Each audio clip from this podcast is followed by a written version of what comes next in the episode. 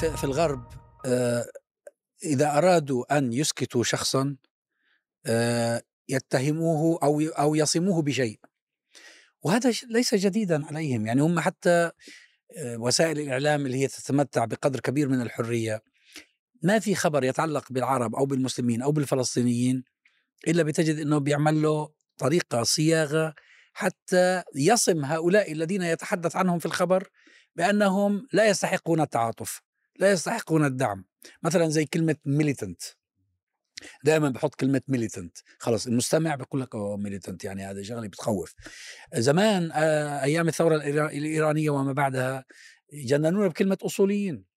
كل واحد متدين أصولي أصولي أصولي.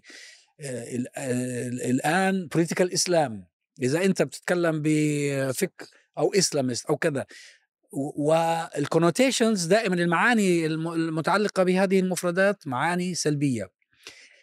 الآن اللوبي الصهيوني وأنصار إسرائيل بيستخدموا معاداة السامية. الحل هو ليس أن نثبت لهم بالتراجع عن مواقفنا بأننا لسنا معادي معادين للسامية. لا ما ما بينجح. يعني جيريمي كوربن جرب ما نفع معه. كل الذين حاولوا التهرب ما نفع معهم إلا إنك تصير زيهم تصير صهيوني وهناك يرضون. أنا في رأيي أن الحل هو أن نتكاتف جميعا. كل من يؤمن بعدالة القضية الفلسطينية وبالحق الفلسطيني يجب أن نتكاتف جميعا نشكل سدا في مواجهة هذا التخويف هذا الإرهاب الفكري. ونشد من عضد الناس ونرفع من معنوياتهم حتى لا يخنعوا ولا يخضعوا. فيقول لك مثلا لا والله إذا بيجي فلان متحدث أنا ما بشاركش. وذلك يعني أنا أنا كنت قبل لحد قبل عشر سنوات أو يمكن 12 سنة ما في شيء لفلسطين إلا أدعى إليه. والناس تنبسط علي لما أتكلم عن قصة أمي. بالعكس وأنا طالع على المنصة في المظاهرة يجوا الإنجليزيات هذول اللي معانا في PSC وفي غيرها قلت تنساش تحكي عن قصة أمك. آه، لكن بعدين بسبب إنه صار السؤال اللي طرحته أنت بيجوا بيسألوا مين اللي حيشارك؟ إذا حيشارك أنس مش حنيجي إذا حيشارك عزام مش حنيجي. فصاروا هم أنفسهم يضربون الأسافين فيما بيننا. وصرنا إحنا نلغي بعض. يعني إحنا من جماعتنا إحنا ناس منا وفينا. صار يقول لك لا والله هذا عزام بيجيب لنا صداع بلاش منه. هو دكتور حتى يعني أيضا لا نجلد أنفسنا كثيرا في هذا الموضوع. ما تفضلتم فيه صحيح يحتاج إلى إرادة صلبة وقوية لمواجهة هذا الموضوع. لكن على سبيل المثال مثل هذه أساليب التخويف لا تنجح مثلا في بيئات مثل البيئة العربية أو مثلا تركيا أو أي بلد آخر. يعني حجم الصلابة هناك تكون أكثر علما إنه البيئة السياسية لا تساعد. هنا العكس البيئة السياسية تساعد، البيئة الحقوقية تساعد، لكن مع ذلك وحتى حالة التخويف تنجح. حقيقه الموضوع أيضا له علاقة في المؤسسة التي تحكم هذه البيئة. اللي هي المؤسسة الأوروبية نفس المؤسسة الحاكمة مؤسسات الأحزاب مؤسسات الحكومة البرلمان السياسة أيضا هذا جزء جزء كبير من المشكلة ما حصل مع إسرائيل هو أن هناك مؤسسة أوجدت مشروع ثم أصبح هذا المشروع أكبر من المؤسسة وأقوى من المؤسسة ولديه قدرة على التأثير أكبر ولذلك نحن نرى بأن أدوات الضغط الإسرائيلية على بساطتها في بعض الأحيان مؤثرة بطريقة عجيبة جدا يعني هي تخوف السياسي الأوروبي قبل قبل أن تخوف العربي أو المتضامن أو أو الفلسطيني هي هذه القضية ولذلك أنا يعني المشروع الصهيوني أصلا هو مر في تحولات كما كان كمكانة في في الفضاء الغربي. يعني الحرب العالمية الثانية ترى أحدثت تحولات في مكانة هذا المشروع. لكن عندما حدثت هذه التحولات وذهبت الأمم المتحدة إلى مشروع التقسيم كان المشروع بعد بالفور الأردن وفلسطين كاملة انتهى في 1948 إلى مشروع التقسيم. يعني فلسطين نفسها دولة عربية ودولة يهودية. بوقت كان الغرب قد مكن هذا المشروع إلى درجة لا يستطيع أن يفرض عليه أو أن يدير ال ال أن أن يديروا لذلك أصبحت الموضوع موضوع آه، شد وجذب في مساحات معينة. في كور معين يتفق فيه الغرب على على مكانة إسرائيل وعلى وجودها آه بس إحنا إحنا طارق بنتكلم عن ال 20 سنة اللي مضت. إحنا قبل 20 سنة كنا نتكلم بسقف أعلى بكثير مما نتمكن اليوم. لكن إيش اللي حصل؟ حركة التضامن. حركة التضامن قبل 20 سنة لم تكن كحركة التضامن اليوم. اليوم حركة تضامن أضعاف أضعاف ما كانت عليه قبل آه ذلك الوقت. تحاصر. وهو ولذلك ولازم ولذلك نعمل حاجة. طب ما هو. الحل؟ ما هو نعم. الحل؟ أنا برأيي أول نقطة أن لا نتوقف عن الحديث عن فلسطين وسأشرح ماذا أعني. موضوع مواجهة آه، ال- ال- الحرب آه، تحت عنوان المعاداة السامية. أنا أذكر ب 2018 أعتقد كانت بذروتها موضوع جيريمي كوربن وغيره. يعني كل المؤسسات الداعمة لفلسطين بدأت تنظر إلى طرق لمواجهة ذلك ونسيت الحديث عن فلسطين نسيت الحديث عن النكبة نسيت عن الح- الحديث عن كيف نشأت هذه المشكلة. وكانت هناك رسالة في الجارديان لمجموعة أنا كنت أحدهم قلنا يجب أن نعود للحديث عن فلسطين ما يريده بالنهاية الكيان أن ننسى فلسطين والآن انظر إلى ألمانيا مثلا ممنوع مسيرات للنكبة تخيل ممنوع. مسيرات للنكبة العالم الفلسطيني أو الكوفية إذا فهم ما يعملون عليه هم يريدون أن يصلوا إليه نتنياهو وغيره إغلاق الأونروا وإغلاق آه، ال- ال- ال- ال- الغذاء العالمي الت- التبرعات التي تصل إلى غزة وغيرها آه، آه، ألا يكون تغيير المناهج كله حتى لا يكون هناك ذكر لفلسطين كعنوان وبنفس الوقت التطبيع والذي يساهم ويساعدهم في ذلك لدرجة أنك تجد في في سفارة آه، إسرائيل في في الإمارات قبل أيام آه، احتفلوا بعيد استقلال إسرائيل وغنى أماراتي ال ال يعني فهو النقطة أنشد الع- هذا أنشد المس- أنشد النشيد الوطني الإسرائيلي مع, مع النقطة هي أنهم يريدون أن أن- يعني نحن نقول أنه بعد 75 عاما فشلوا أن تكون إسرائيل مستقرة وليس هناك حديث عن أي مشاكل وغيره فهم ينظرون إلى طرق حتى آه، يعيدوا الشرعية لها. وأحدها كان ولكن أعود وأقول دكتور عزام موضوع المنهجية هم لا يعني نحن ردات فعل ليس لدينا عمل ممنهج. إن كان كقيادات فلسطينية ولا نريد أن ندخل في ذلك. ولكن أيضا موضوع كيف نواهد هذا الموضوع آه، يعني ليست بنفس الطريقة. هم لديهم آه، آه، مؤسسات فكرية ومؤسسات تعمل ولكن لا, تناقش فقط. نحن نحلل. طيب على ما تفضلت به أن نقف ضدهم ولكن كيف؟ علينا أن نمنهج ذلك. لا هو وإلا هو الفرق الوحيد هو التنظيم. نعم يعني نعم. ال ال الأعداد المتضامنين هي أكبر بكثير. من المؤيدين ل- ل- لإسرائيل. لكن لا توجد مكشوفي الظهر. بينما الحالة المقابلة حالة منظمة ومدعومة يعني من من مؤسسات وأقل وأقل عددا من يخ... من لأن يعمل الحالة بها. الحالة الم- المقابلة وراءها دولة. وأنت وراءك دول تفعل العكس تماما.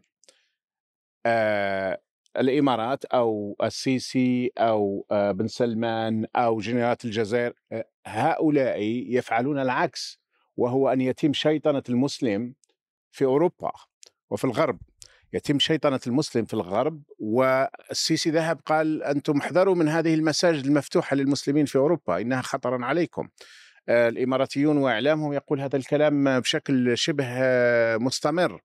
آه، نحن نعرف العقلية عقلية الجنرالات عندنا تشتغل بطريقة مختلفة في السر يعني هم يقولون ويعملون في السر أكثر.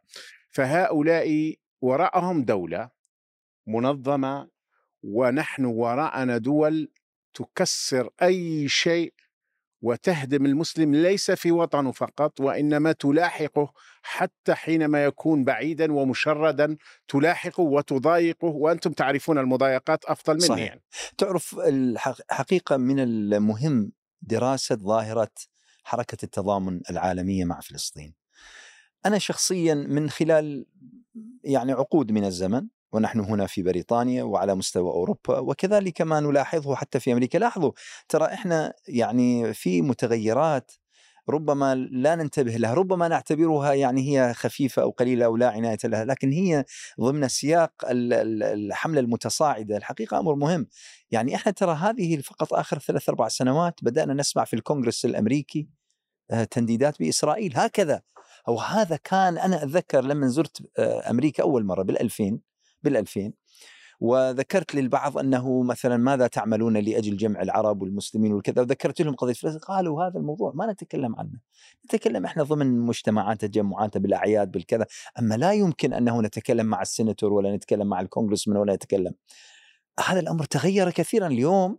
لا أصبح في وحدة فلسطينية موجودة في الكونغرس. ترى حتى حالة الشيطنة دكتور أنس حالة الشيطنة وال وال والأدوات التي تمارس اليوم ترى من الممكن أن تؤسس لحركة اجتماعية مضادة بالضبط. خفية حتى بالضبط. اليوم. ستأتي لحظة تاريخية تنفجر دفعة تع- واحدة. تذكرون تذكرون بال 2006 2007 لما مؤسسة يوروبول للاستفتاء للاستطلاعات الرأي لما أصدرت دراسة بعد أن سألت سؤالا سألت آه، في أكثر من ثمان دول أوروبية مش عارف 20 ألف واحد ولا 25 ألف واحد سألتهم من هو الخطر الأكبر على السلم العالمي؟ فكان الجواب وبفارق كبير إسرائيل. هذول ما كانوا مسلمين هذول 20 ألف ما كانوا مسلمين وما كانوا عرب وربما ما كانوا أصلا يعرفون وين فلسطين. لكن بالنسبة لهم في في في ذهنهم أنه إسرائيل خطر. هذا أنا باعتقادي دق أجراس الخطر عند الصهاينة حول العالم بأنه إذا هذول اللي هم لا هم مسلمين ولا هم مؤدلجين ولا هم كذا سئلوا فمباشرة أول جواب جاهم أو أول شيء خطر في فكرهم إسرائيل فمعناته نحن في خطر. ولذلك الملاحظة وهذه أنا مرة نبهني لها واحد من كنا في Brookings Institute بواشنطن بالمعهد فكر أمريكي وواحد ذكر قال يعني من الملاحظ بأنه إسرائيل تنفق أكثر ميزانيتها مال العلاقات العامة وتحسين الصورة. في أمريكا وفي أوروبا اللي هم حلفائها اللي هي ما عندها مشكلة يعني ما حد مهددها لا في أمريكا ولا في أوروبا بأنه يسحب الترخيص من عندها، لكن مع ذلك هي تنفق أكثر أموالها وهي أموال طائلة سنويا في تحسين صورتها لدى هذه المجتمعات. الواقع أنه حركة التضامن إما الخصومة مع إسرائيل ومعاداه إسرائيل أو رؤية إسرائيل بأنها شر أو التضامن مع فلسطين الحقيقة هي حركة عالمية بامتياز ما في مثلها أي قضية أخرى لا التبت ولا ال- ما ما في ما في ما ولا- في ما نعم، في. نعم. القضية هذه القضية هذا كيف يمكن أن نبني آه عليه بس شوف أنت آه، حالة التخويف والإسكات بعد سنوات ستضعف حركة التضامن. ليه؟ لأنه أنت بدك مدد. من أين يأتي المدد إذا ما فيش أو توعية؟ أو أو تصنع مثل ما قال طارق أو ليس تصنع حالة ليس مضادة. حتما ليس حتما. ما يحدث من خلافات. داخل الكيان الإسرائيلي قد يقوي الحركة. بالعكس أنت هذا الصراع اللي شفناه في الأربعة أشهر الأخيرة أنا صراحة تابعت فيه الصحافة الإسرائيلية كثيرا. وفوجئت من حجم الانتقادات داخل الإعلام الإسرائيلي آه، واحيانا في القضايا المركزية ليس في خلافات بسيطة يعني. والآن مثلا تجد أمس كنت أقرأ في آه، آه، في مقال يجمعنا قتل ال- آه، الأطفال. آه، كاتب المقال في صحيفة إسرائيلية يجمعنا قتل الأطفال. هذا لا تستطيع أن تكتبه في أي بلد آخر. آه، خاصة حتى هنا ربما ونحن بكل حرية نتحدث حقيقة في هذا البلد. طبعا هذا اللقاء لا يمكن أن يكون لا في الجزائر اليوم ولا في القاهرة ولا في تونس ولا في الرياض ولا في دبي ولا في أي مكان. هذا حديثنا مثل هذا. لا يمكن. يعني يصعب جدا أن تتحدث بكل حرية خاصة إذا ما جاء الارتباط بالاستبداد الواقع في بلداننا لكن عندما تجد هذه الكتابات وبعض المؤرخين مثل المؤرخين الجدد سبق وذكرتهم آه، فيه موقف ممكن أيضا التعاون مع حتى من داخل هذا الكيان سواء الذين يكرهونه أو يعادونه بسبب آه، ديني توراتي وهم آه، عدد معتبر سواء في الداخل كان الاسرائيلي أو خارجه أو من الذين أيضا من منظور إنساني بحت. وهم آه، كثيرين علمانيين منهم وليبراليين يرون أن يجمعنا قتل الأطفال اي يجمعهم قتل الأطفال هذا شيء مريب. وربما ما لم- نذكره هو الشباب اليهود في أمريكا. هذا التغير مهم جدا. يعني كثير من ما تسمى Students for Justice for Palestine ال ال ال آه، آه، آه، ليست مؤسسات ال- ال- اللجان الموجودة في في الجامعات كثير ممن يقودوها من من من الشباب اليهود. ترى ظاهرة The J Street الب- J Street نعم وال Birthright هذه اللي كانوا يذهبوا إلى إسرائيل يرسلوهم حتى يقضوا وقتا ويتعرفوا على إسرائيل. صاروا يصلوا هناك وبعضهم وهو بالباص يقول متى سنشاهد الاحتلال؟ لأنهم يعني فهم يقودون هذا التغير. فهم الآن ينظرون إلى طريق كيف نلصق حتى بهؤلاء اليهود. معاداة السامية. يعني أنتم تكرهوني؟ طب ما أنا يهودي كيف تقول أنني معادي فاولا موضوع ال- آه، آه، الشباب اليهود. بعدين سيأتي وقت مع, أنه لم يحدث بعد سيحصل ما يسمى اوفر ريتش إنه هم يعتقدون أنهم مستطيعون أن يعملوا أي شيء. السؤال هو متى يحدث هذا التحول؟ يعني مثلا موضوع أوكرانيا وروسيا كان من المفروض الناس أن تبدأ أن تقول طب ما هو الفرق؟ أنا دائما أقول احتلال روسيا ل... ل... لأوكرانيا أيام ما زال الآن حتى مع أنه سنة أيام. أما بالنسبة لفلسطين حتى لو نظرت إلى احتلال ال 67 حوالي 56 عاما وهو مستمر. طب كيف نسكت عن ذلك؟ كنت أرى تغريدات ليز تراس عندما كانت وزيرة خارجية. لو شلت روسيا وضعت إسرائيل شلت أوكرانيا وضعت فلسطين ينطبق تماما ينطبق تماما. فسيأتي ستأتي شيء سيحول الموضوع. أنا تح أنا توقعت بصراحة مثلا عندما عينت السفيرة الإسرائيلية الحالية هنا في في بريطانيا وهي عنصرية وكانت وزيرة الاستيطان أن بريطانيا ستقول شكرا ولكن لن نقبل باعتمادها لأن هي ضد سياستنا في بريطانيا وهي أننا ضد المستوطنه كيف تسمح لوزيرة استيطان أن تصبح سفيرة لبلد. في البرازيل إذا تذكروا ديان وقتها أرادوا أن يعينوه سفير البرازيل قالت لا هذا مستوطن لا نقبل بذلك. فبرضه ممكن يعني في هذه التجاذبات ممكن يأتي تحول كوقوع حائط برلين أنه يصل إلى نقطة إلى هنا تعرف و... قضية ال overreach هذه جدا مهمة جدا مهمة. وأنا لاحظت في حملة جيريمي كوربن حملة الشيطنه التي تعرض لها. طبعا حملة غريبة عجيبة ترى التي تمت آخر سنتين في حزب العمال. شيء يعني يدل على جنون ليس إلا لا يسمى يعني حتى ما بها سياسة من نوع معين ايديولوجيه من نوع معين. لا لا لا جنون عملية جنون. لكن الحقيقة المثير في الموضوع هي التعليقات التي تأتي من قبل ناس يقولون أنا عمري بحياتي ما كنت لا مهتم بأي قضية خارج بريطانيا ولا كنت أعرف عن تفاصيلها ولكن والله علشان اللي أنتم قاعد تسوون أنا الآن خليتوني أقرأ عن التاريخ أفهم, أفهم إيش اللي قاعد يصير. الآن أنا أتابع فلان وفلان وفلان من الناس الذين يتكلمون وأنا رأيت بأنه والله جيرمي كان موقفه معقول. ومن هؤلاء أعداد كثيرة. وبالمناسبة حزب العمال يعني هذه كإشارة لما صار جيرمي كوربن رئيس حزب العمال أصبح حزب العمال أكبر حزب سياسي في كل أوروبا لأنه انضم لحوالي 280 ألف واحد زيادة. لما خرج راح رجع إلى مستوى لأنه خرج أيضا مع 200 250 ألف واحد.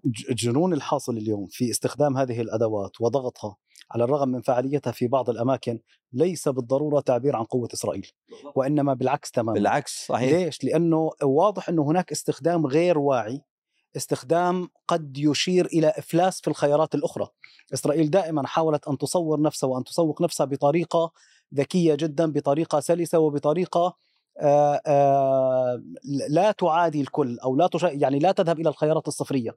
لذلك مثلا اليوم اليمين الموجود في إسرائيل أو اليمين الإسرائيلي في نظر كثير من داعمي إسرائيل هو الأخطر على إسرائيل. رأينا المنظمات اليهودية أو المنظمات اللوبي الصهيوني الداعم لإسرائيل في أمريكا كانوا الأكثر عداء لترامب.